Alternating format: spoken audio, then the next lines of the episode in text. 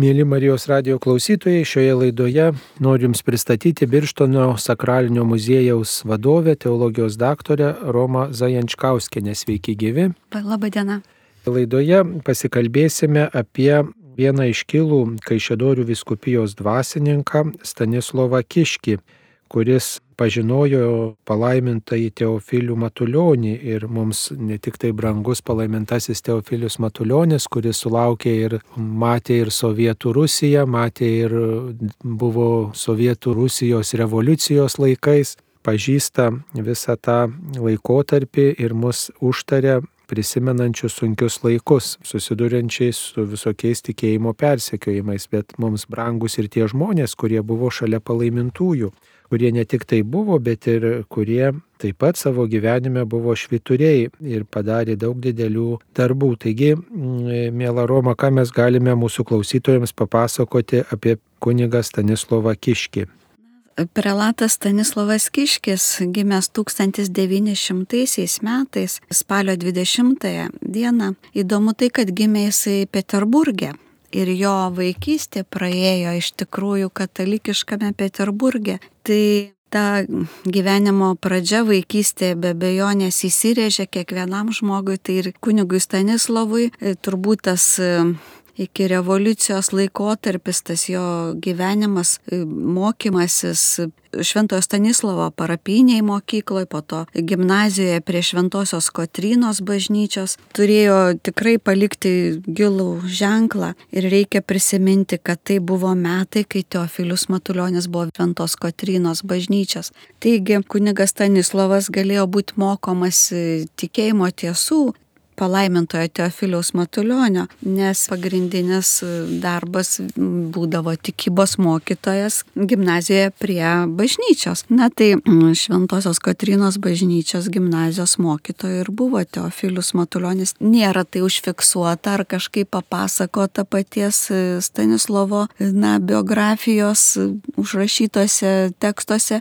tačiau tikrai galėjo būti formuojami mokiniai ir rekolekcijų metu ir tai įtaką tikrai yra padaręs. Labiau susitikimas įvyko kunigo Stanislovo Kiškio su palaimintojo Teofiliumi, tai e, tais 43 metais atvykus e, vyskupui darbuotis į Kaišėdorių viskupiją, o kunigas Kiškis e, kaip tik tuo metu gyveno Kaišėdoryse ir organizavo netgi gydimą, 200 ligonių turėjo, na, raudonarmiečių sužeistų išgelbėti, jisai taip matė savo tame pašaukimą karo metais. Na ir jis taip darbavosi. Bet nepaisant tų gražių ketinimų darbuotis kaip kurijoje, kaip sekretoriumi vyskupo Teofiliaus Matulionio, na jisai 45 metais, birželio mėnesį, buvo suimtas ir nuteistas ir išvežtas irgi į Sibirą kalėti. Įkalintas buvo dešimčiai metų. Tačiau yra išlikusių tokių nuotraukų Kešėdorių, kurios archyve labai spūdingų, kur jisai su kalinių vaikais fotografavosi ant tokių medžio rastų, tokių supjautų, paruoštų jau vežimų į lentpjūves. Ir tie vaikai žiemos metas, matosi sniegas, aprengti, nu, kaip įmanoma šilčiau apgopti šiltom skarom, bet jie išbėgę nuotraukos fiksacijai basi. Tai ta nuotrauka man kaip teko tyrinėti, šiek tiek archyvą pamačiau ir jinai taip įstrigo giliai. Ir tai vad Stanislavas Kiškis kunigas su tremtinių vaikais, trumpai akimirkai sustabdytas, bet labai spūdinga nuotrauka ir tas tokia na, realybė, tokia tragiška, sakykime, batų neturėjimas vaikam ir išbėgti vis tiek noras būti nufotografuotėm, na, rodo, kad tai buvo įvykis, kad tai buvo šventė didelė. Ir ta šventė, vad, su, su kunigu kartu būti nusifotografuoti fotografavosi įvyko tremty reiškia tremty to vargo patyrė, bet ir prieš tremtį tiesiog tas vargas kuniga lydėjo, nes jis buvo arti tų skriaudžiamųjų žmonių. Pasakojama, kad 1941 metais, birželio mėnesį, kai Šedoryse kunigas Stanislavas Kiškis įsteigė ligonę sužeistiesiems sovietinės kariuomenės kariams gydyti. Ir sakoma, kad jis buvo pirmasis dvasininkas pasirinkęs būtent tokį būdą patarnauti ir atrodo patarnauti tarnauti tiek saviškiams, bet tiems žmonėms, kurie vat, nuo karo nukentėjo ir tiesiog artimo meilė neklausė, kokios kariuomeniai, bet padėti tiems kareivėliams tai atrodė padėti pačiam Kristui. Ir jisai taip pat rizikavo savo gyvybę, padėdamas visiems suimtiesiems, gelbėdamas visus žmonės, kuriems grėsė išvežimas į Vokietiją, o pats sovietų valdžios buvo išvežtas į Rusijos lagerius ir kentėjo ten, kur labai daug ir lietuvių buvo išvežta į Vorkutą, į anglių kasyklas.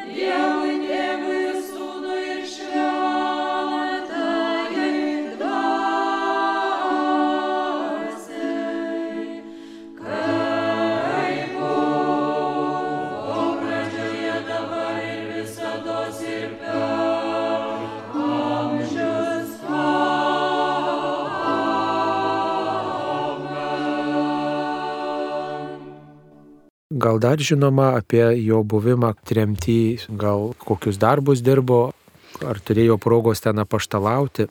Kiek man teko skaityti, tai iš tikrųjų buvo įdomu tai, kad jisai dar Lietuvoje darbuodamasis jūsų minėtais 41 metais labai gynė jaunimą, kurį vokiečių okupacijos metais norėjo išvežti darbams į Vokietiją. Tai Žiežmariuose na, buvo toksai atvejis, kai po pamaldų sekmadienį išeinančius jaunuolius e, vokiečių kariškiai tiesiog į mašiną grūdo ir, ir išvežė vaikinus, merginas į geležinkelio stotį. Tai kunigas Kiškis, na, ėjo jų gelbėti, iš tikrųjų jisai ir vykdavo ir į Kauną, vokiečių vadovybės būstinę kalbėti ir reikalauti sugražinti tuos jaunuolius į jų tėviškės na, buvo toks bebaimis, principingas, drasus žmogus. Dar įdomus dalykas, kad jau kiek vėliau vat, jisai organizavo tą gydimą raudonarmiečių, kaip prašoma, sužeistųjų daugelį išgelbėjo nuo mirties, bet jis pats netgi gabendavo tos sužeistosius motociklų, važiuodavo rinkti sužeistų rusų kareivių karo metu ir į tą savo ligoninę juos parsiveždavo ir slaugė, slaugės, gydytojai iškviesti gydė, tačiau jisai labai daug darė tokių pastangų pats asmeniškai, kad tie žmonės nemirtų kažkur, na, visiškai palikti, na, karo laukia, sakykime. Man įdomu tai, kad jis turėjo labai ir muzikinius gebėjimus, dar kiek anksčiau grįžtant prie jo istorijos, kad 26-aisiais jisai buvo paskirtas Merkinės vidurinės mokyklos direktoriumi, tai dėstė jisai ir muzikos, ir ruošė mokinius, žodžiu, kurie turėjo duomenis muzikinius, tai rinko į chorą. Toliau Jisai dėstė ir matematiką toje merkinės mokykloje, labai buvo tokios plataus spektro žmogus. Ir, ir pats, kai būdavo sunku jam ar po darbų dienos pavargdavo, tai turėjo smūkelį ir grodavo smūko. Tai čia yra merkiniečių turbūt užrašyti tie prisiminimai. Na ir tas smūko melodija buvo jam ir malda, ir paguoda, ir stiprybė. Tai va tas man jo, ta asmenybės aspektas įdomus, na, kad ir čia pat važiuoti motociklu, rinkti sužeistuosius, gabenti, gydyti, bet tuo pačiu ir neprarasti to jautrumo, tą dovaną, muzikinė klausa, gebėjimas groti smūjku, tokie dalykai atrodo skirtingi, bet jie dėrėjo šitoje asmenybėje. Na ir žinom, kad jis buvo labai iš tikrųjų toks puikus raštvedys, kai Šedorių viskupijos kancleris ir e, nuo 29-ųjų uždarius Merkinės gimnazijas atvyko į Kaišėdoris ir buvo paskirtas kancleriu ir darbavosi iki to suėmimo 45 metų. Taigi jau pirmasis Kaišėdorių viskupas jame matė tos gebėjimus kaip gero raštvedžio ir pasikvietė ir po to vėliau kardinolas Vincentas Latkevičius 82 metais perėmęs Kaišėdorių viskupijos valdymą, vėlgi jį pasikviečia kanauninką paskiria Stanislavą Kiškį Kaišėdoris, kad būtų šalia kaip katedros altarista ir kartu pagelbėtų tokiuose raštvedybos ir archyvo formavimo ir kitais klausimais būtų patarėjas. Tai labai įdomu, kad ne tik buvo kruopštus raštininkas, bet e, taip pat ir pats rašydavo straipsnius, dargi e, žinoma, kad jis bendradarbiavo prieškario spaudoje rašydavo tiesos keliui, pavasariui ir kitiems katalikiškiams leidiniams. Tai tikrai tas kruopštumas toks žmogaus gyvenime buvo, kad jis ne tik tai pasitenkino tuo, jog va, pasakysiu pamokslą kažkokį žmonėms ar jaunimui, ar ten vyresniems, ar atliksiu tas formales kunigo pareigas, bet taip norėjo, kad ir katalikiška spauda klestėtų, nes prieš karą tiesos kelias buvo toks katalikiškas leidinys, ten ir netgi kiti kunigai rašydavo rašydavo, bet ir iš to tiesos kelio taip pat ir pamokslus ruoždavo, e, nes ten būdavo medžiagos pamokslams ir tikrai skaitydavo tiesos kelią ir kunigai, ir taip pat katalikų inteligentai, ne tiek paprasti žmonės. Pavasario leidinys tai buvo skirtas gal jaunimui. Pavasarininkai tokia buvo kaip ateitininkų jaunimo bendruomenė, judėjimas ir ten taip pat kunigo žodis buvo reikalingas. Tai jis turbūt toks universalus žmogus buvo ir jame įvairūs talentai dėrėjo Ir net būdamas tremtinys, jisai taip pat ne tik tai vargo duona tremtinio kentė, bet ir taip pat apaštalavo. Ir žinoma, kad jis taip pat, kaip ir kunigas Marijonas Mykolas Petkevičius, jau galėdamas grįžti į Lietuvą po tremties, vis dėlto pasiliko, pasiliko tenai tam, kad galėtų paguosti tremtinius. Ir savanoriškai liko tremty, kas tikrai labai nustebina, kad žmogus patyręs lagerininko dalę, kad jis buvęs ten, kur kas esama anglis, kur, kur tikrai tremtiniai ne tik tai sunkiai dirbo, bet ir labai sunkiai sirgdavo, o jisai savanoriškai tarp tokių žmonių pasiliko, kai galėjo grįžti į Lietuvą. Tiesiog pasakojama, kad valdžia įvertė grįžti į Lietuvą į Lietuvą grįžo 1957 metais, tai- o ištremtas buvo 1945 metais. Taigi dar ne tik tai valdžios liepimu buvo ištremtas ir ten dirbo, bet ir pats dar pridėjo tą norą padėti tiem žmonėms, kurie vargo verčiami. Tai tikrai stebina žmogaus pasiaukojimas ir pasišventimas. Taip, aš skaitydama jo, jo biografiją vienoje kitoje knygoje radau, kad na, jis labai mėgo tyrinti tyrinėti archyvą, dar bažnyčios archyvą, greičiausia Kaišėdorių, net kai kurių bažnyčių istorijas yra netgi parašęs, surinkęs daug medžiagos apie žymius asmenis, ne tik apie arkiviskupą palaimintai Teofilių Matulionį, e, atsiminimų surinkęs, tačiau jisai rinkdavo ir įvairius, na, tokius straipsnelius iš laikraščių Vokietijoje leidžiamų Lenkijoje, mėgo renkti tokias konferencijas ir tekę skaityti, kad jisai ir palangojo, rusakalbėms vakarais bažnyčioje rusiškai skaitydavo konferenciją, sakydavo pamokslus. Tas įdomu, gerai valdė kalbą ir, ir matė poreikį prakalbinti tos atvykstančius poilsiautojus. Greičiausiai ir birštone tai yra daręs rusų kalba.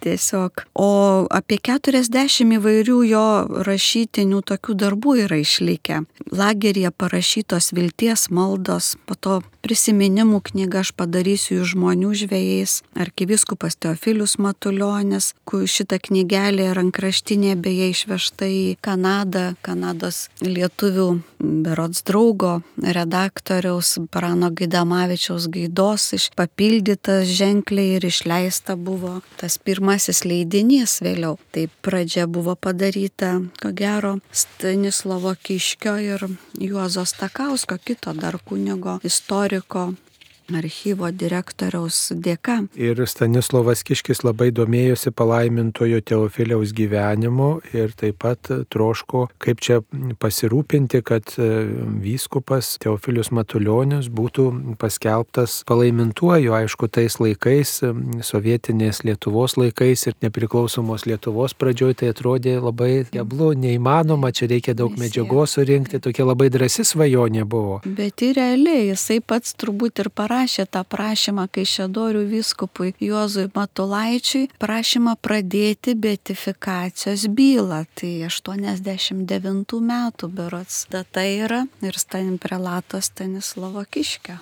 Taip, tai galima sakyti, kad jis prisidėjo tam, kad būtų medžiaga surinkta, jeigu ir knygą parašė, ir raštą vyskupui įteikė, ir, ir įvairią medžiagą telkė, kad palaimintasis Teofilius būtų paskelbtas palaimintuoju ir kad jį pažintų visa Lietuva ir kad jo globos užtarimo prašytų ir kartu nu, galėtų e, prašyti to įkvėpimo drąsiai ginti tikėjimą ir ištverti sunkumuose. Bet dar viena tokia įdomi detalė, turbūt ne visi mūsų klausytojai žino, kad palaimintasis Teofilius taip pat e, labai gerbė ir vertino prelatas Stanislovą Kiškį ir kad kai buvo Teofilius Matuljonis jau tikrai tokio garbingo amžiaus ir kai svarstė, ką čia rekomenduoti Vatikanui pašventinti viskupais savo įpėdiniais, tai šalia tuomet, šalia Vincentos Latkevičiaus užrašė ir Stanislovo Kiškio pavardę ir jeigu nepavyktų pašventinti Vincentos Latkevičiaus, tai kad galima būtų Stanislovą Kiškį ir Vatikanas pritarė, leido tokį, tokį žingsnį pasirinkti. Taigi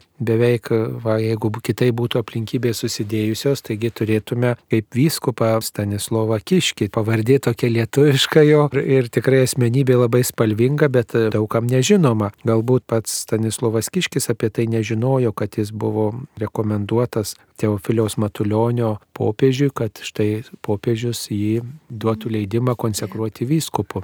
Stanislavas Kiškis kunigas buvo pažįstantis palaimintai vyskupą kankinį Teofilių Matulionį, yra išlikę jo susirašinėjimo keletas laiškų ir net publikuotų internete. Galima paskaityti, kaip gražiai vienas kitą kreipiasi, kaip bendrauja tose laiškuose. www Teofilius LT šitoje svetainėje yra pateikta. Prelatas Stanislavas Kiškis, jis domėjosi ir sovietmečių, kaip padėti persekiojamiems tikintiesiems, persekiojamai bažnyčiai, ne tik tai apsiribojo sakramentų teikimu, bet platino ir katalikų bažnyčios kroniką ir kitą pogrindžio religinę literatūrą. Tai ir kai dirbo nuo šaliuose, kai šedorių viskupijos parapijose, vis dėlto ėmėsi šitos rizikingos veiklos ir labai smarkiai rizikavo dėl to nukentėti. Tai tikrai atrodė, kad čia būtų darbas su tokiais vėjo malūnais, tiesiog atrodė,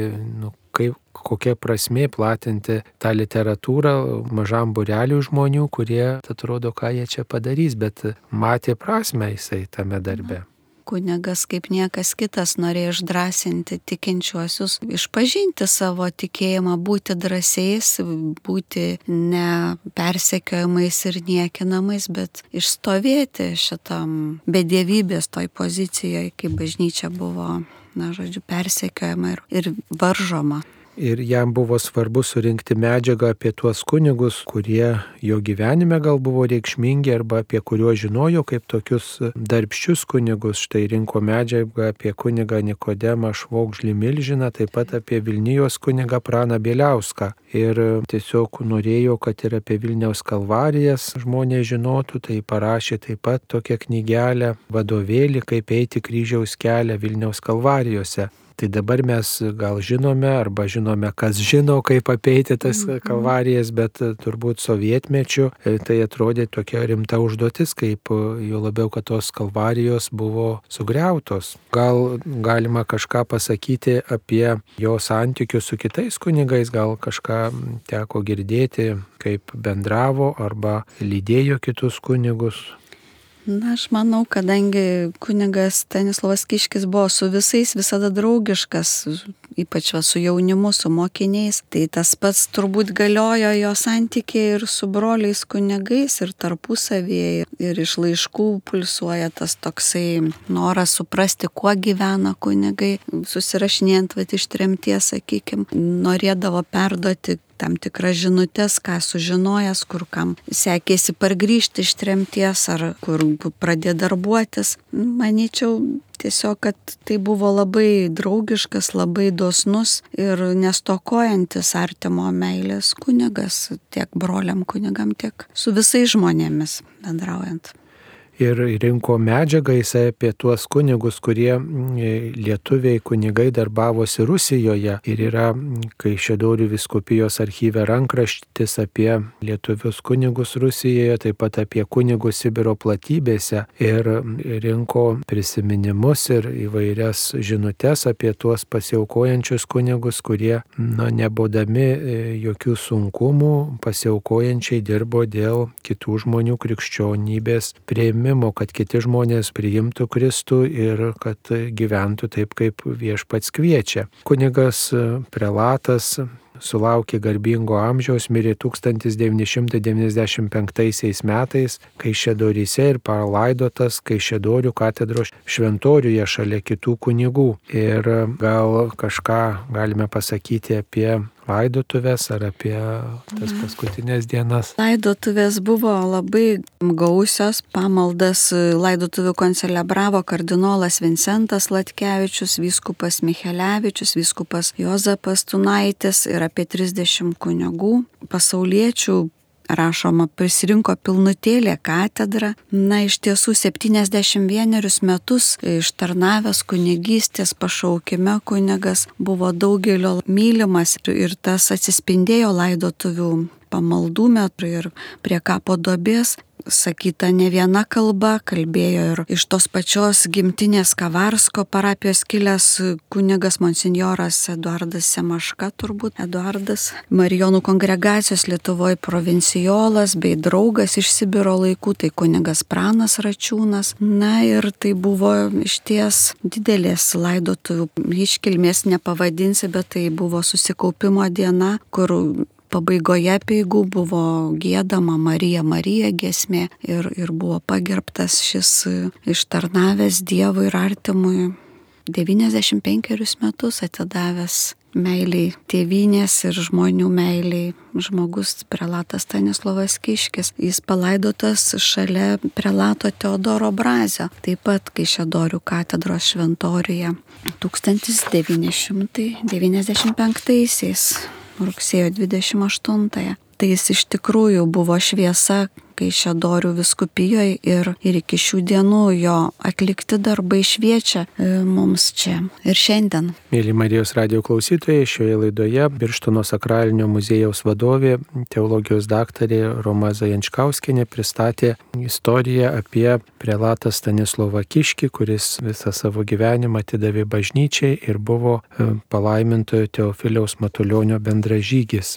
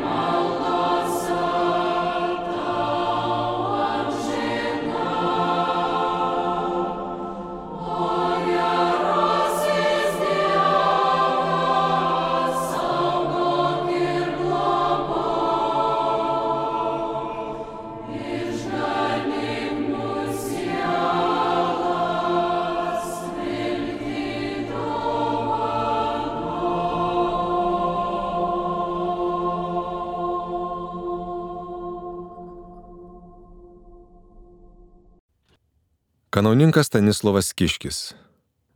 Atkarpa iš mano lagerinio gyvenimo. Kunigo užrašai. 1940 m. Liepos 24 d. mus išvežė iš Vilniaus, o rūpiučio 2 dieną jau buvome Pečioroje. Čia vyr gydytojas buvo ukrainietis, mediciną baigęs Kaune. Jis jautė simpatijų lietuviams ir jau pirmą dieną mane paskyrė felčeriu viename barake. Pečioros persiunčiamasis punktas didelis - be ne aštuoni barakai, atskirtas valgomasis, du ar trys namai ligonėms. Viename tokių ir man davė darbą. Ateidavo ten laisvoji gydytoja ir dvi jaunos seserys pasikeisdamos. Mano darbas buvo draugė su gydytoja kasdien apeiti ligonius, išdalyti paskirtus vaistus, matuoti ir užrašyti temperatūrą, kartais užpildyti ligonio kortelę. Vieną naktį man teko dalyvauti priimant tik ką atvežtą naują etapą. Gydytojų komisija tikrino atvežtųjų sveikatą ir skirstė darbo kategorijas. Vyrai ir moterys iki pusės išrinkti stovėjo susimaišę vienoje eilėje. Gydytojai su pasididžiavimu ištardavo kategorijos pavadinimą lotynų kalba - prima, sekunda, o man reikėjo pažymėti tik asmens lapelyje.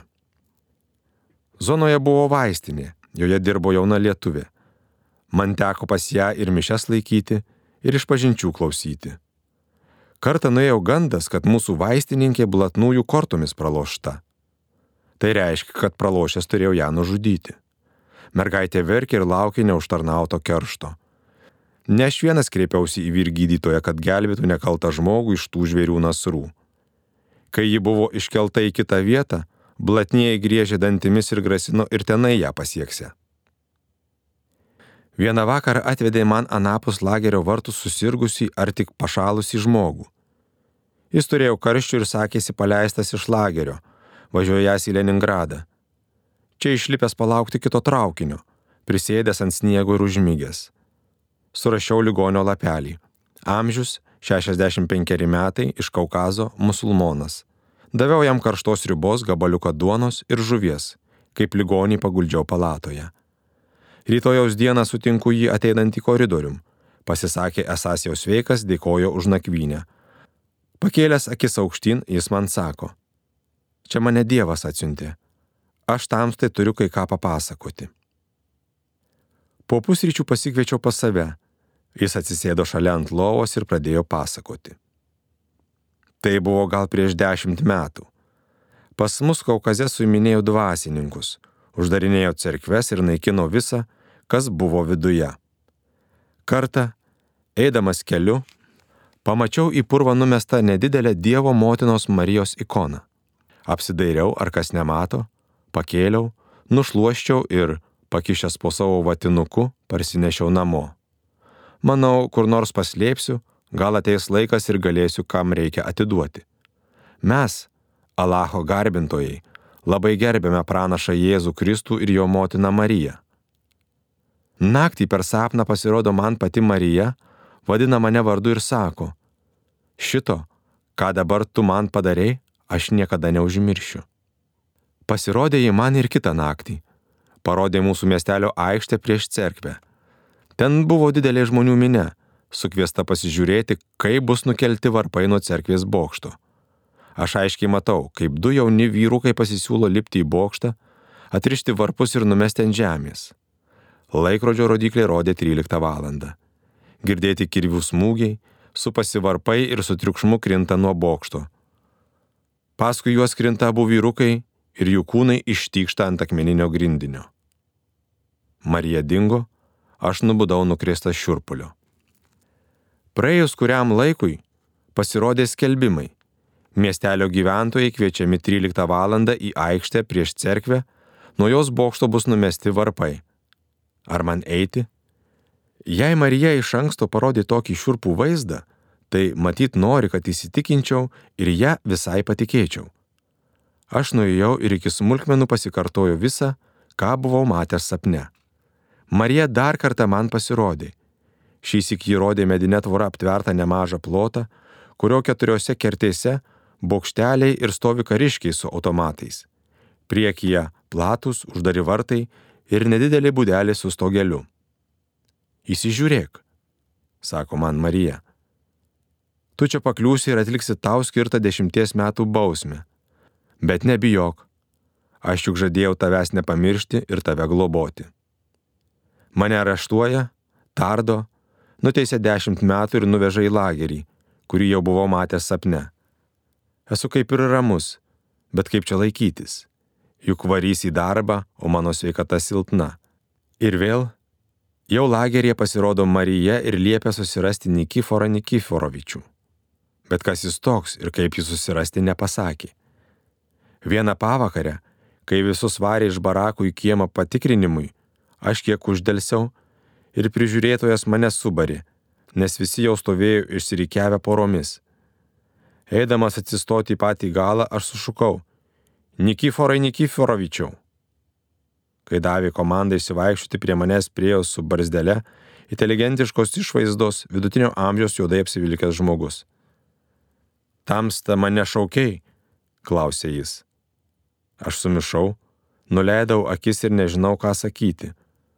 A, tai Dievas tamsta čia atsiuntė, pasakė jis pažvelgęs aukštyn.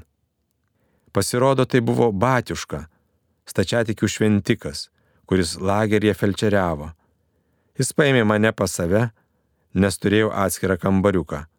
Aš buvau pas jį tvarkdarys, dnevalnai. Šluodavau ir plaudavau kambariuką, atneždavau abiem valgyti ir patarnaudavau prie ligonių. Tai pas jį išbuvau visus dešimt metų. Nė karto neišėjau į darbą už vartų. Batiuška buvo žmogus kuklus ir maldingas. Jis man papasakojo apie Mariją ir jos sūnų, o aš jam papasakojau visą istoriją su Marijos paveikslu. Vieną vakarą Nikiforas Nikiforovičius tarė, aš susirksiu ir greitai mirsiu. Štai tau adresas mano broliavaikio, kuris gyvena Leningrade. Kai būsi paleistas, būtinai nuvažiuok pas jį ir papasakok visą apie mane. Kelionėje tau teks išlipti ir palaukti kito traukinio. Ten būdamas, tu truputį susirksi ir tave vienai nakčiai paimsi į lagerį. Ten tave globos kunigas ir tu jam papasakosi visą šitą istoriją. Pasakodamas senukas net pailso ir giliai atsiduso. Jo akys degė. Jis jautėsi atlikęs sunkę užduotį ir paliko man savo adresą Kaukaze. Norėjau smulkiai viską surašyti, bet kur dėti tokius užrašus, kaip juos išsaugoti juk mano bausmė tik prasideda. Tad stengiausi išsaugoti visą tai atmintyje, o kad geriau įstriktų, smulkiai papasakojau keliems draugams. Vienas tačiatikių šventikas iš Estijos pastebėjo, kad šioje istorijoje tarsi prie Marijos altoriaus suėjo ir bendradarbiavo trijų didžiausių religijų atstovai - tikintis musulmonas, stačiatikių ir katalikų kunigai. Štai kur ekumenizmas. Glauskimės visi prie Marijos, o ji iš mūsų padarys vieną tikinčiųjų šeimą. Būk pasveikinta, švenčiausioji mergelė, Dievo motina, saulė apsisiautusi, žvaigždėmis dabinta ir mėnuo tau po kojų, tavi mums užtekėjo išganimo aušra. Būk pasveikinta, švenčiausioji mergelė, Dievo motina, saulė apsisiautusi. Žvaigždėmis dabinta ir mėnuo tau po kojų, tavi mums užtekėjo išganimo aušra. Marija Jėva naujoji, viešpaties džiaugsmas esi. Jėzaus mūsų išganytojo, motina skaisti. Pakai dangų nutiesus, rojaus atkėlus vartus. Švieski rytmečio žvaigždę, lydėk kelioniai mus. Būk pasveikinta, švenčiausioji mergelė, Dievo motina, saulė apsisiautusi. Žvaigždėmis dabinta ir mėnuo tau po kojų, tavi mums užtekėjo išganimo aušra. Kryžiaus papėdės stovėjai, meilėje ištikima. Mūsų viltį paremki, globok tikėjimą. Motina sopulius kentus, stiprinkimus visados. Švento kraujo galybė, sūnau širdies žaizdos.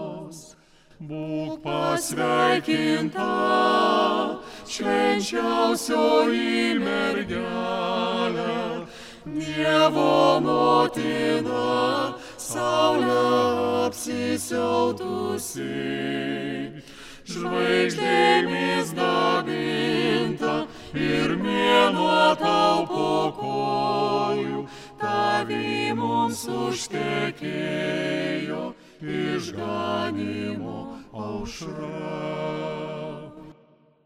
Laida buvo skirta šviesios atminties prelatui Stanislavui Kiškiui atminti. Laidoje dalyvavo Birštono sakralinio muziejaus vadovė Roma Zančkauskenė, ištrauką iš prisiminimų knygos skaitė Remigijus Endriukaitis, laidą vedė kunigas Saulis Bužauskas. Likite su Marijos radiju.